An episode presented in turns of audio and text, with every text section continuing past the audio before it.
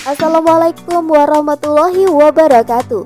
Halo, jumpa lagi dengan narasi podcast Kali ini di rubrik Teenager Yang berjudul Premarital Sex Membudaya Betapa Liberalnya Indonesia Oleh Ana Nazaha.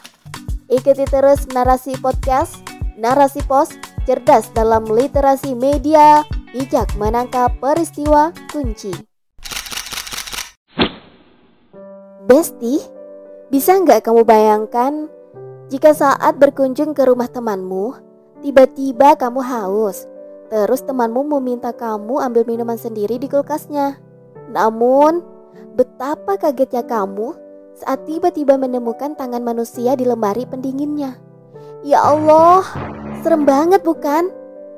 Penulis membayangkan hal itu loh saat pertama kali mendengar berita tentang tujuh janin aborsi yang disimpan di wadah makanan di Konawe, Sulawesi Tenggara. Sebagaimana dikutip kompas.com, Kamis 9 Juni 2022. Muncul rasa heran, sekaligus ngeri dengan kelakuan generasi sekarang. Bayangkan saja, itu janin manusia loh, anaknya sendiri, dibunuh pada usia kandungan masih lima bulan, lalu disimpan dalam wadah makanan.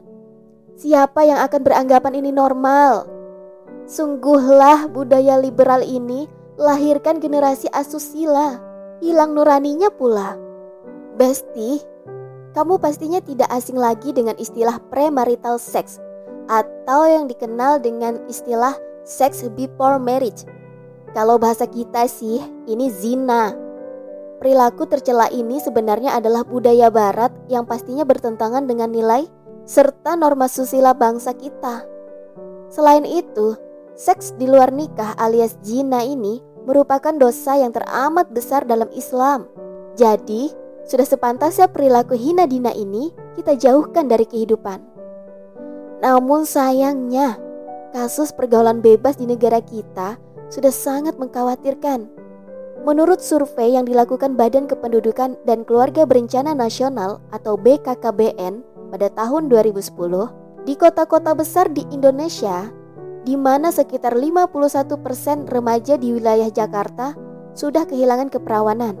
16% menyatakan sudah melakukan hubungan seks pranikah tersebut sekitar usia 13 sampai 15 tahun. Kemudian data yang ditemukan oleh Komisi Nasional Perlindungan Anak atau KPAI juga tak kalah mencengangkan, di mana 62,7% remaja usia SMP sudah tidak perawan 21,2 persen remaja SMK pernah aborsi, 97 persen remaja pernah menonton film porno, dan 97,3 persen usia SMP pernah ciuman hingga oral seks.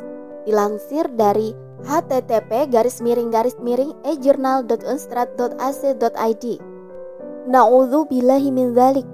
Semoga Allah jauhkan kita dari perilaku tercela ini. Sungguh, Kenyataan ini bikin kita syok dan frustasi. Kita mengkhawatirkan masa depan bangsa ini jika generasi kita ternyata hidup dalam setumpuk masalah imbas dari seks bebas, ancaman terpapar penyakit menular HIV atau AIDS, aborsi yang berujung infeksi. Selain itu, perilaku menyimpang ini juga memengaruhi kesehatan mental dan psikis si pelaku loh. Karenanya, kita melihat maraknya dekadensi moral yang diakibatkan oleh pergaulan bebas kian tak terkendali. Inilah wajah bangsa kita hari ini.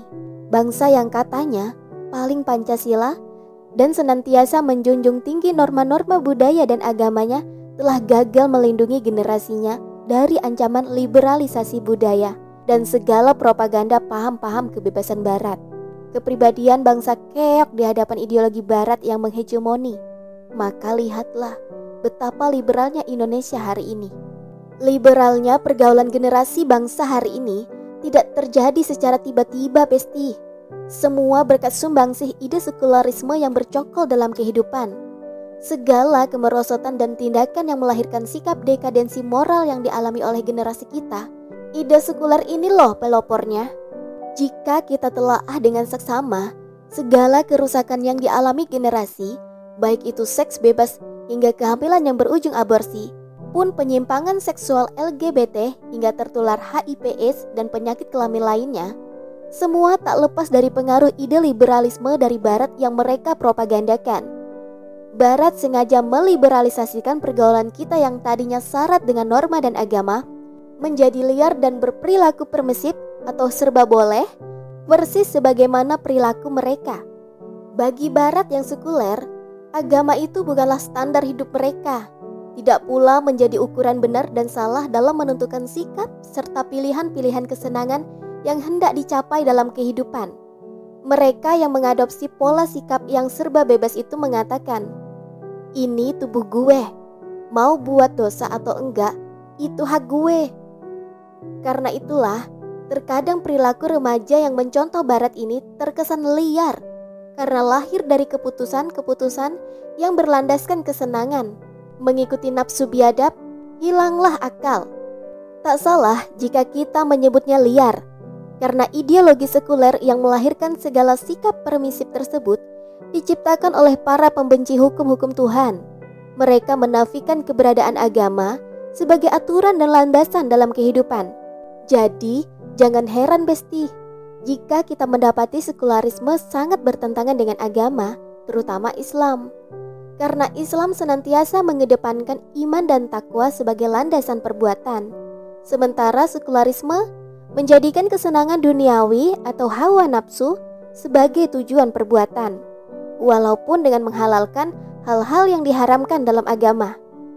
Islam adalah agama kemanusiaan sehingga senantiasa merealisasikan nilai kemanusiaan tersebut dalam segenap aturan demi terjaganya kehormatan dan kesucian manusia. Misalnya, Islam melarang khalwat, yakni berdua-duaan dengan yang bukan mahram, agar terhindar dari zina, baik itu zina mata, hati, tangan hingga berujung hubungan seks di luar nikah. Selain itu, Islam juga melarang istilat, yakni campur baur dengan yang bukan mahram tanpa ada keperluan syar'i, berbicara dengan lawan jenis sesuai kebutuhan, serta menundukkan pandangan. Semua ini dilakukan untuk melindungi manusia dari perbuatan melawan fitrah hingga berujung zina. Aturan ini tentu saja bukan berarti Islam mengekang atau membatasi ruang gerak dan menghambat kreativitas dalam berkarya. Sekali lagi, bukan. Justru sebaliknya, Islam bermaksud untuk menjaga sehingga laki-laki atau perempuan bisa berkarya dan berkreativitas tanpa kendala. Menghindarkan generasi berbudaya asusila yang merusak akal dan jiwa. Allah Subhanahu wa taala berfirman dalam surah Al-Isra ayat 32. Dan janganlah kamu mendekati zina, karena sesungguhnya zina adalah perbuatan fahisyah dan seburuk-buruk jalan remaja Islam masih bisa berinteraksi dengan lawan jenisnya dengan syarat perempuan mengenakan hijab saat keluar rumah, berkomunikasi seperlunya saja, tidak berbicara dibuat-buat untuk menggoda. Semua wajib dilakukan dalam ranah kehidupan sosial saja, seperti dalam bermuamalah, pendidikan, dan sosial, di mana aktivitas tersebut membutuhkan laki-laki dan perempuan untuk bekerja sama di dalamnya. Dan tentu saja, demi kemaslahatan bangsa dan agama. So, hubungan laki-laki dan perempuan dalam Islam sangatlah terjaga. Tidak ada istilahnya pacaran, premarital sex alias sex before marriage, lalu marriage by accident pun tidak ada istilahnya TTM-an, singkatan dari teman tapi mesra, lalu berujung memberi jatah pada mantan. Tidak akan pernah ada. Karenanya, tidak ada pula tragedi kehamilan yang tak diinginkan yang berujung aborsi, hingga berujung pembunuhan pada bayi-bayi dan kerusakan pada organ reproduksi karena aborsi ilegal. Sungguh, segala masalah yang lahir dari pergaulan liberal ini, Islam solusi hakikinya. Mengubah tatanan masyarakat dengan menghadirkan solusi mabdai adalah satu-satunya pilihan. Tentu saja dengan menjadikan Islam sebagai landasan dalam aturan bernegara.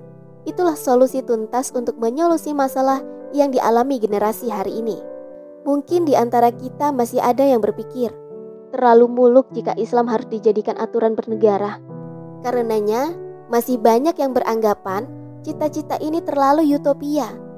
Sebenarnya hal ini sederhana. Jika kita mampu menangkap arah dan tujuan kalimat yang dilontarkan, cukup memberikan perbandingan. Jika ideologi rusak bin gagal sekularisme yang datang dari penjajah dan didesain untuk menjajah bisa dan mau diterima bangsa ini, maka bagaimana dengan ideologi langit?